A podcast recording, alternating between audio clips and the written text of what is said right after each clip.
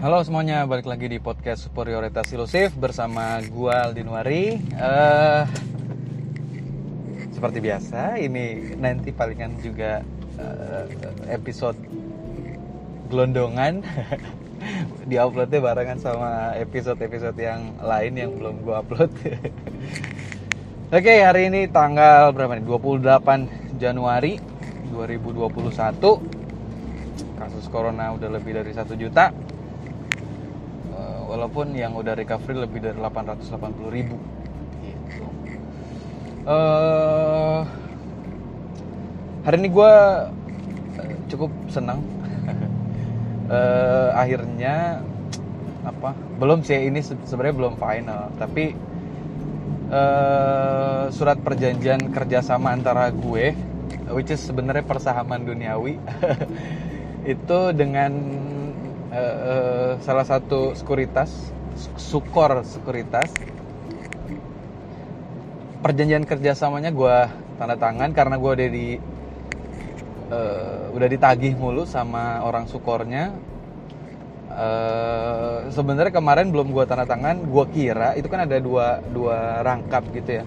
Gue kira tuh yang rangkap satunya gue harus modalin uh, materai materainya itu ada dua yang 6000 sama 3000 nah berhubung guanya nggak sempet atau lebih ke males sih beli materai ke Indomaret atau ke tukang fotokopi begitu jadi belum gue tanda tangan dan belum gue kirim. Terus makanya tadi karena dia udah apa udah nagih lagi terus gue make sure aja bu ini sebenarnya saya harus tambah lagi nggak sih bu materainya enggak bapak satu aja yang pakai materai. Oh ini yang satunya udah ada gue bilang. Oh ya udah berarti nggak usah. Ya udah akhirnya gue tanda tangan kemudian gue kirim lah tadi uh, kemungkinan besok sampai paketnya dan ya udah mungkin ditanda tangan sama direkturnya. Uh. jadi kalau misalnya itu udah udah oke okay, mungkin nanti ada term and condition uh, tambahan. Sebenarnya ada sih udah ada di di uh, dokumen PKS-nya gitu. Tapi nanti mungkin ada arahan uh, baru dari mereka kayak gimana mekanismenya begitu. Ya udah, uh, kalau misalkan seperti itu, mungkin gue akan announce di IG-nya persamaan duniawi. Hmm, apa namanya? kayak orang-orang lah persamaan duniawi X sukor uh, sekuritas gitu cie gitu jadi kalau misalnya itu udah oke okay, buat teman-teman yang uh, mau bikin akun at, uh, rekening dana nasabah atau akun saham lah istilahnya itu nanti bisa ke gua. Nanti bisa buka di sekuritasnya Sukor begitu. Kenapa gua tertarik untuk kerjasama? Sebenarnya kemarin gue coba untuk uh, apa namanya pitching cek pitching apa ngedeketin dua sekuritas. Yang satu Philip yang satu Sukor. Dan alhamdulillahnya yang respon sebenarnya Philip juga respon cuman enggak profesional aja. Uh, apa apa ya follow upnya begitu dari pihak mereka nya jadi kalau yang ini yang Sukor oke. Okay, profesional bahkan langsung nyodorin uh, surat perjanjian kerjasama jadi menurut gue oke okay lah. Dan gue senangnya kenapa? Karena Sukor ini salah satu eh, yang fee-nya fee tradingnya itu paling murah dibanding sekuritas lain. 0,15 persen untuk uh, fee beli 0,25 persen untuk fee jual. Karena kalau yang lain ada yang 0,18 ada 0,18 0,28 gitu-gitu. Jadi pokoknya yang paling murah ini salah satunya walaupun ada juga yang lain. Mirai kalau nggak salah atau iPod itu 0,15 0,25 sama. Uh, kemudian uh, Sukor juga apa ya konten-kontennya menurut gua oke okay, di sosmednya khususnya di Instagram begitu. Kemudian karena gue juga pakai Sukor uh, apa namanya Sukor juga salah satu yang cukup aktif di grup WA-nya. Biasanya nasabah-nasabah Sukor itu digabungkan atau di-invite ke grup sahamnya di WA biasanya dan masing-masing dari grup WA itu uh, ada si marketingnya. tapi marketing in house ya marketing in house sukornya dan dia cukup aktif dalam uh, men-share apa namanya uh, berita atau informasi atau trading idea gitu untuk hari ini. Tiap hari itu ada. Jadi menurut gua uh, cukup oke okay untuk edukasi. Gue juga nggak tahu sih kalau untuk sekuritas lain seperti apa tapi bini gue kan pakai Philip uh, dia nggak ada kayak gitu-gitu. Jadi menurut gue Sukor oke. Okay. dan beberapa waktu terakhir gue paling senengnya adalah Sukor akhirnya kerjasama sama salah satu trader di Indonesia yang gue kagumi bahkan gue juga banyak belajar dari beliau namanya Michael Yeoh. Tapi dibacanya Michael Michael Yeoh gitu. Dia salah satu trader apa ya terkemuka lah kalau misalkan di forum Stockbit which is eh, sebenarnya Stockbit itu juga eh, forum atau aplikasi yang punya sekuritas juga. Tapi punya sekuritas eh, Sinarmas gitu eh, nah gue dulu banyak belajar tuh dari postingan-postingannya Michael Yo baru per tahun 2020 bulan apa gitu dia baru bikin Instagram tuh. Bikin Instagram kemudian bikin akun YouTube di channel YouTube dan ya udah dia sering sharing di situ. Dan ya itu gue senengnya uh, syukur salah satu eh, kerjasama dengan uh, beliau nih. Bahkan kalau nggak salah sekarang tuh si Michael Yoh ini udah jadi apa ya? Uh, udah jadi salesnya kali? Gue lu gue nggak tahu deh. Kayak dia pernah nge-share uh, kartu namanya gitu di salah satu akunnya. Jadi oke okay. menurut ya, siapa tahu gue malah bisa satu forum atau satu grup atau uh, ya satu lingkungan lah. Jadi gue bakal bisa belajar lebih banyak lagi dari dari beliau gitu. Jadi uh, I'm so excited. Uh, mudah-mudahan ini bisa jadi sesuatu dan gue juga masih nungguin hasil interview gue kemarin sama zillion.com sih gitu nanti hasilnya kayak gimana? Mudah-mudahan oke okay. mudah-mudahan juga nambah exposure buat akun persamaan duniawi. Uh, walaupun mungkin hari ini Porto merah semua pasti karena uh, apa namanya? Ya gue masih masih pengen nabung aja gitu. Gue kalau misalkan mau analisa apa saham apa segala macem ya itu mah based on request aja dari DM DM teman-teman followers uh, persamaan duniawi gitu. Jadi gue juga nggak ngecek masing-masing saham gitu. Palingan kalau lagi gabut kadang iseng aja gue ngecek uh, saham-saham yang fundamentalnya bagus gitu. Itu apa kemudian kira-kira oke okay nggak nih buat entry tapi kalau niat yang masing-masing gue cari gitu enggak sih. Screening screeningan gitu enggak. Udah maksudnya screeningan itu udah gue lakuin sebelum tahun baru dan uh, itu jadi tujuan gue untuk gue nabung. Dan hari ini 5 eh 4 dari 5 saham yang udah gua screening itu udah gue beli. Ya dengan kondisi minus sekarang. Walaupun sempet sempet uh, floating profit tapi nggak gua realisasiin. Jadi ya udahlah. Karena targetnya ya 20 30% ke atas lah baru gua jual. Mudah-mudahan terlaksana. Gitu. Hmm, apalagi ya? Apa lagi ya? Uh, uh, tadi gue sempet ngobrol sama temen gue dia biasa teman-teman kantor gue ketika misalkan ketemu gue itu pasti mereka tertarik untuk ngobrolin tentang saham tentang dunia finansial walaupun ya gue bukan orang finance gitu. Gue juga terjun ke saham ini juga baru dua tahunan. Belum bisa dikatakan ahli begitu tapi setidaknya gue tahu uh, kulitnya gitu. Jadi mereka tertarik dan gue biasanya kalau misalkan ngobrol sama sih di kelas di kelas yang pernah gue buat juga nggak nggak langsung jump into investment gitu. Tapi pasti gue buka dengan bagaimana uh, kita bisa mengatur keuangan kita dulu dari pendapatan kita uh, per bulan khususnya untuk teman-teman yang kerja gitu yang uh, udah bisa ketaker lah kira-kira per bulan tuh dapat berapa. Kemudian dari income itu dibagi-bagi tuh persentasenya. Kayaknya gue udah sering bahas juga di grup eh di podcast ini gitu. Tapi kan nggak semua yang denger ini dengerin semua episode gue ya jadi nggak apa-apa gue ulang juga.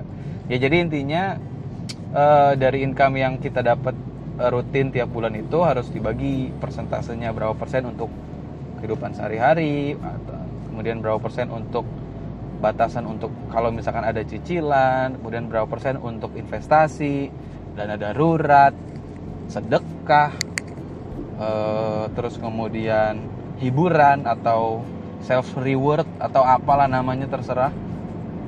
Uh, pokoknya uh, dimulai dari itu dulu jadi supaya ketakar juga kalaupun lu mau investasi uh, baik trading maupun uh, invest untuk long term gitu udah ketakar kira-kira berapa persen dari income lo yang bisa dialokasikan untuk investasi tiap bulannya? Gitu kan? Jadi nanti itu juga bisa disesuaikan dengan kira-kira saham apa yang fundamentalnya bagus yang eh, apa namanya secara persentase yang lu sisihkan tadi masuk gitu. Kan ada saham yang satu lotnya 3 juta ada saham yang satu lotnya 6 juta eh nggak tahu kalau sekarang 4 juta lah atau sejuta. Kalau misalkan yang lo bisa sisihin tiap bulan 500 ribu berarti kan menurut gua mendingan jangan yang harga segitu. Tapi masih banyak kan fundament uh, saham yang fundamental bagus yang harganya misalnya satu lotnya 100 ribu atau 200 ribu atau bahkan di bawah 100 ribu juga banyak. Jadi itu uh, pasti gue akan mulainya dengan simply financial planning aja tiap bulannya seperti apa. Dari situ baru masuk ke investasi. Baru masuk ke saham. Saham itu apa sih? Gimana sih caranya kalau kita mau invest di saham? Dan sebagainya dan sebagainya. Habis itu baru masuk ke ketika misalkan lo udah punya rekeningnya udah bis, udah siap nih untuk trading atau investing di saham baru masuk ke cara-caranya. Nah sebelum beli misalkan cara beli sahamnya kayak gimana, cara jual sahamnya kayak gimana gitu kan. Kemungkinan eh, apa namanya? keuntungan yang bisa didapatkan dari invest atau trading saham tuh apa aja. Kemudian resiko yang tersa terkandung ketika kita investasi di saham tuh apa aja juga pasti gue sampaikan. Bahkan itu yang kadang gue apa ya garis bawahi di di, di bold, di underline, di italic gitu pokoknya masalah risiko ini sangat penting lah. Gitu. Jadi nggak nggak melulu langsung berangkat ke profit atau return gitu. Dan juga gue pasti sampaikan bagaimana cara memanage risiko yang ada tadi gitu. kemudian baru masuk ke ketika kita mau milih saham apa aja sih yang perlu diperhatikan?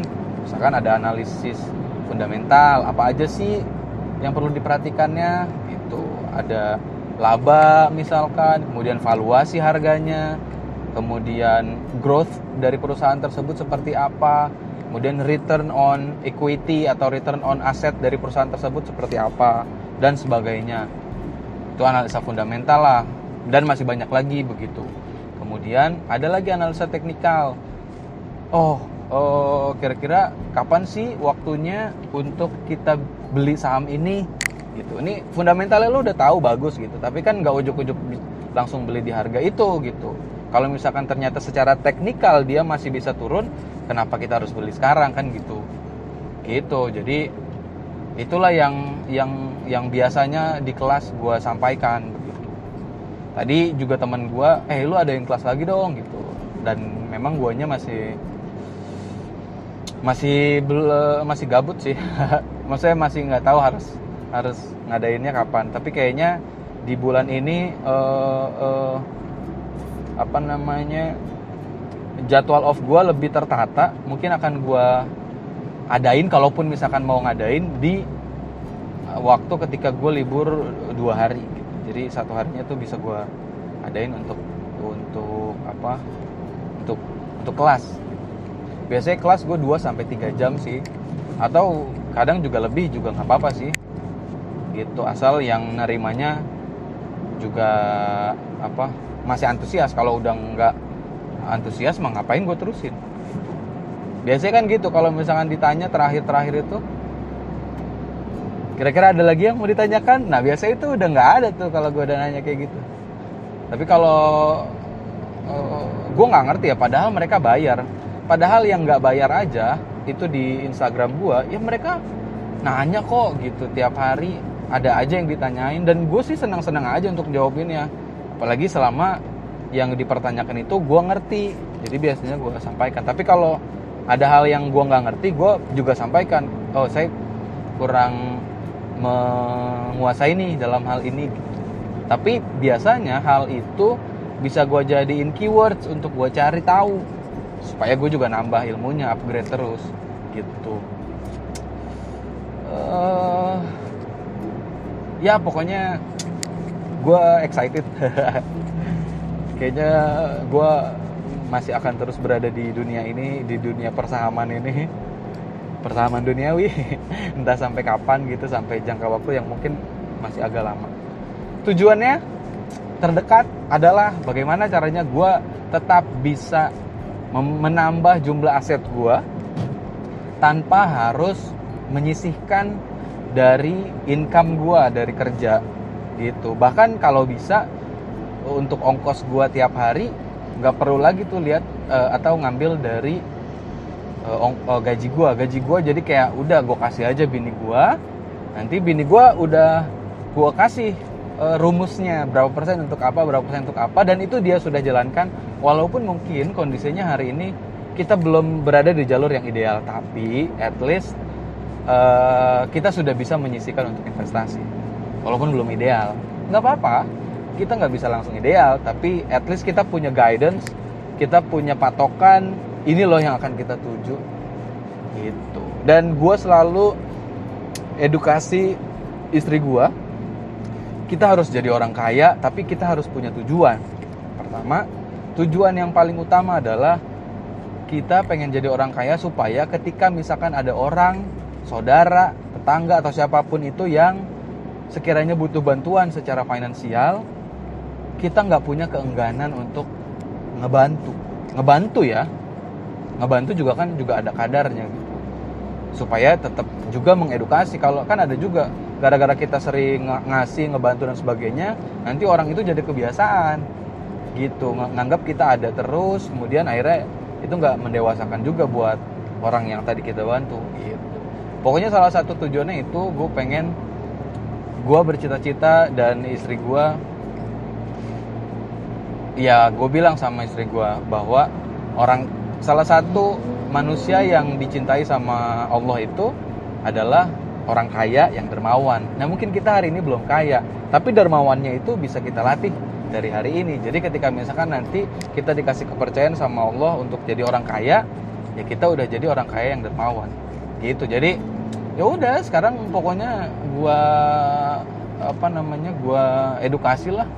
Istri gua dan gua juga praktekan itu supaya ya mudah-mudahan berkah. Karena kan ya sebagian dari harta kita pasti ada ada apa namanya eh, hak orang lain.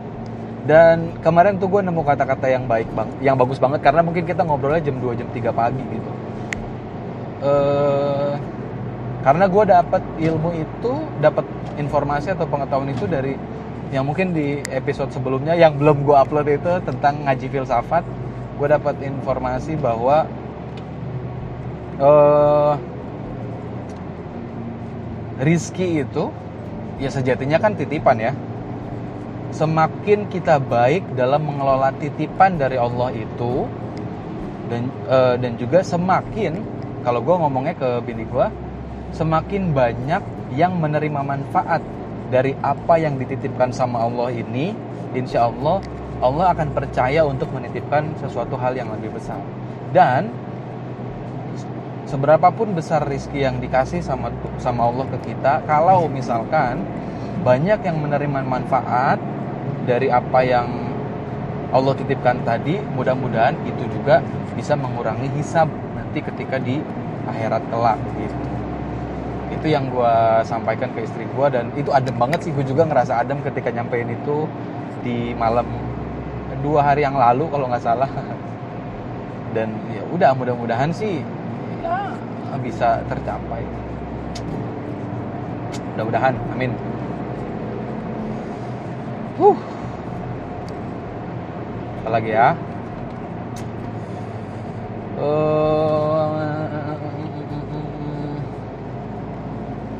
ya mungkin itu gua ya pokoknya hari ini sih hari-hari yang gua perlu dan patut untuk gue syukuri tiap harinya karena di awal-awal pernikahan gue sama istri gue ya memang sangat uh, struggling gitu untuk kaitannya sama uh, finansial gitu.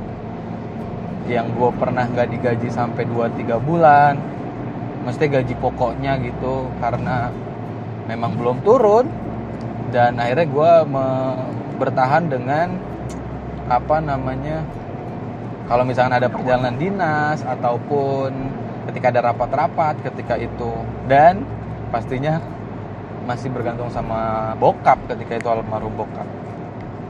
Ya mudah-mudahan itu jadi pahala juga buat bokap. Uh, amin. Amin ya Allah ya rabbal alamin. Uh, kemudian kita juga ngontrak waktu itu. Jadi ada masanya ketika gua gajian istri gua gajian juga nggak ya? Ya pokoknya gajian karena kerja. Kemudian khususnya untuk gaji gua gitu. Dari gaji gua itu untuk pengeluaran kayak kita bayar kontrakan kita bayar ada cicilan kemudian apa dan sebagainya itu tinggal sisa 600 atau sampai paling gede tuh 850 ribu untuk sebulan ke depan. Padahal ongkos gua aja Jakarta Tangerang Tangerang Jakarta tuh lumayan besar. Baik dari bensin kemudian juga makan gua apalagi gue juga ngerokok gitu. Ya, bahkan gue pernah loh. Maksudnya ya bukannya apa tapi e, ketika karena memang nggak ada uangnya gitu ya udah gue beli rokok batangan aja gar udah garam filter gitu garpit. E, sosokannya kayak ah gue mau ngurangin rokok. Padahal memang nggak ada duit mau beli rokok anjir. Itu terus apa namanya kalau misalkan kayak di kantor dulu temen-temen gue balik karena kan waktu itu yang baru nikah kayak gue doang yang lain belum. Terus kayak uh, balik dari kantor eh kita nonton yuk. Nonton gitu. Terus gue alibinya uh, eh, gue baik aja kasihan bini gue di rumah sendiri gitu. Padahal memang gak ada duitnya anjir. Anjrit. Gue juga mau nonton tapi ya nggak ada duitnya gimana? Udahlah. Ya udah itu makanya di hari-hari itu ya mungkin eh, apa namanya kalau kata Danang mah eh, bahagia dan luka itu nggak bisa di nggak boleh untuk dibanding-bandingkan dengan orang, orang lain. Nah kalau gue kan ngebandinginnya sama diri gue hari ini dan diri gue ketika itu gitu. Jadi ya udah hari ini adalah hari-hari yang patut dan harus wajib gue syukurin tiap harinya karena gue pernah melewati itu. Bahkan kalau misalkan gue tarik e, waktu yang lebih jauh lagi ketika dulu gue kecil ya gue e, pernah berada di bawah lebih bawah lagi gitu. Kayak apa ya bokap gue waktu itu masih jadi security kemudian apa kalau misalkan di secara logika itu nggak akan bisa untuk menghidupi anak istri gitu bokap gue gajian cuman 350 ribu per bulan sedangkan ya gue kuliah aja oke itu bayar sejuta lima ratus misalkan satu semester kemudian belum untuk gue uh, uh, makan terus bayar kos dan sebagainya. Jadi kalau misalkan secara logika mah nggak akan ada nggak ketemu gitu. Tapi ya rizki mah udah udah di udah diatur lah sama Allah gitu. Mau dari mana aja ya insya Allah gitu. Makanya ya ketika itu mah uh, ya intinya gue pernah lebih bawah lagi. Kayak bahkan bercandaannya dulu tuh uh, nyokap bikin sayur asem diangetin diangetin sampai mungkin beneran jadi asem gitu. Terus kayak dulu pernah bokap uh, malam-malam gue lapar gitu uh, terus di rumah mau bikin nasi goreng juga nggak ada kecapnya nggak ada telurnya. Jadi akhirnya kayak nyokap bokap gue bikin nasi goreng ya udah nasi digoreng kasih apa namanya ya kasih garam kasih mecin diirisin bawang apa daun bawang terus itu rasanya nikmat banget. Nikmat banget. Ya, ya pokoknya itulah. Wah tapi gue ngelihat bokap adalah orang yang kayaknya nggak punya hari libur gitu ketika dulu. Iya men senin sampai jumat ya mungkin dia kerja dia di kerja di kelurahan. E, bahkan balik dari kelurahan pun kadang ya dia masih ya udah ke sana kemari cari rizki gitu kerja dan sebagainya memang walaupun kadang bokap selalu ngomong ke gue ya bapak mah kerja kayak main sih dari main aja bapak dapat duit. Ya dari relasi dia dan sebagainya ada kerjaan apa dan sebagainya kayak gitu gitu tapi ya gitu kayak sabtu minggu juga ya udah masih ada kerjaan harus ketemu orang ini ketemu orang itu gitu. Jadi ya etos kerjanya luar biasa lah kalau gue mah jauh gue mah rebahan rebahan aja ya tapi mungkin berkahnya ya hari ini gitu. Pasti itu dari bokap juga. Kan ridallah fi ridatul wali walidain ya, magfirlahu warhamhu afi wa'fu uh, actually kemarin tanggal 27 bokap uh, 2 tahun meninggal. Uh, apa ya?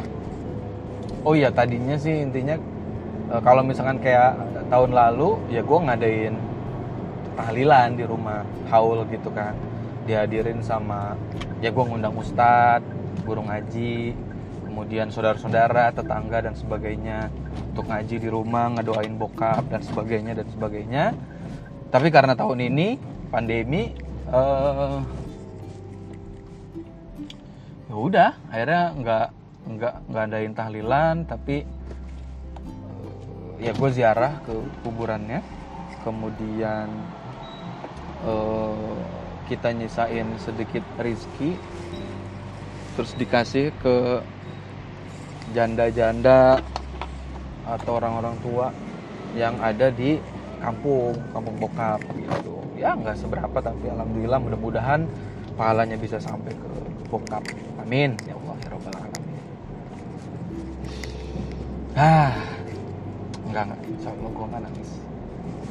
Enggak lah. Uh, ya pokoknya gitulah. Januari suka nano-nano. Ya Januari adalah gua ulang tahun.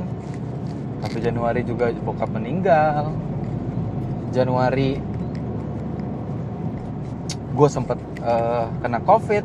Tapi di tanggal gue ulang tahun kemarin satu keluarga gue resmi udah negatif covid. Jadi Januari ini ya nano-nano lah. Selalu nano-nano Januari. Ya mungkin seimbang lah. Ada yang bisa dipakai buat evaluasi atau muhasabah. Ada, juga yang dipakai untuk bersyukur. Ya salah satunya bersyukur ya gue keluarga udah negatif. Gitulah hidup. Seimbang uh, lagi ya.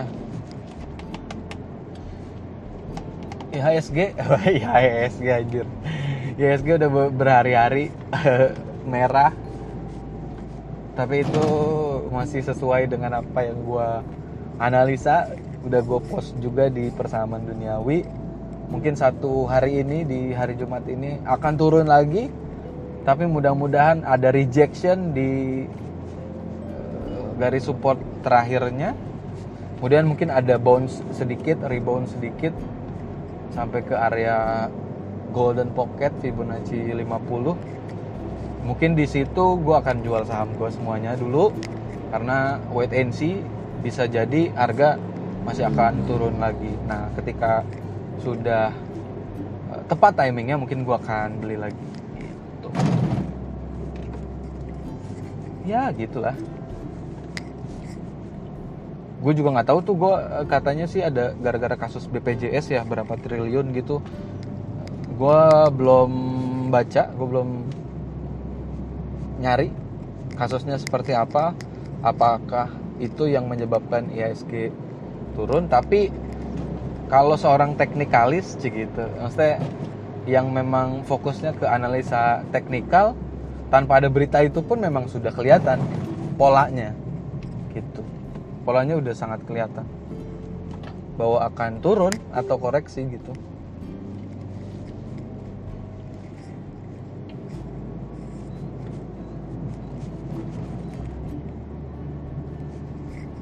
Hmm apa lagi ya?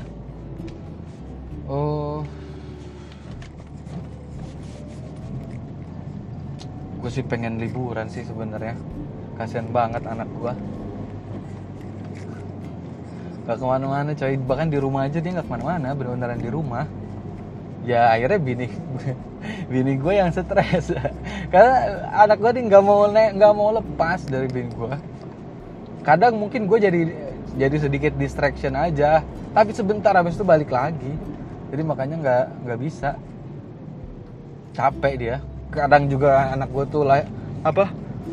Tidur ya malam banget gitu ini kadang ini jam 11 nih gue nyampe rumah nih.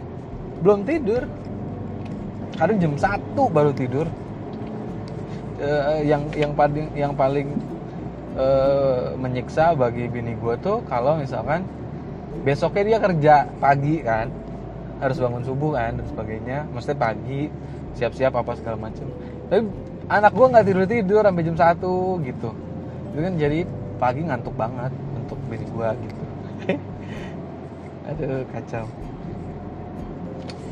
Uh, ada berapa menit?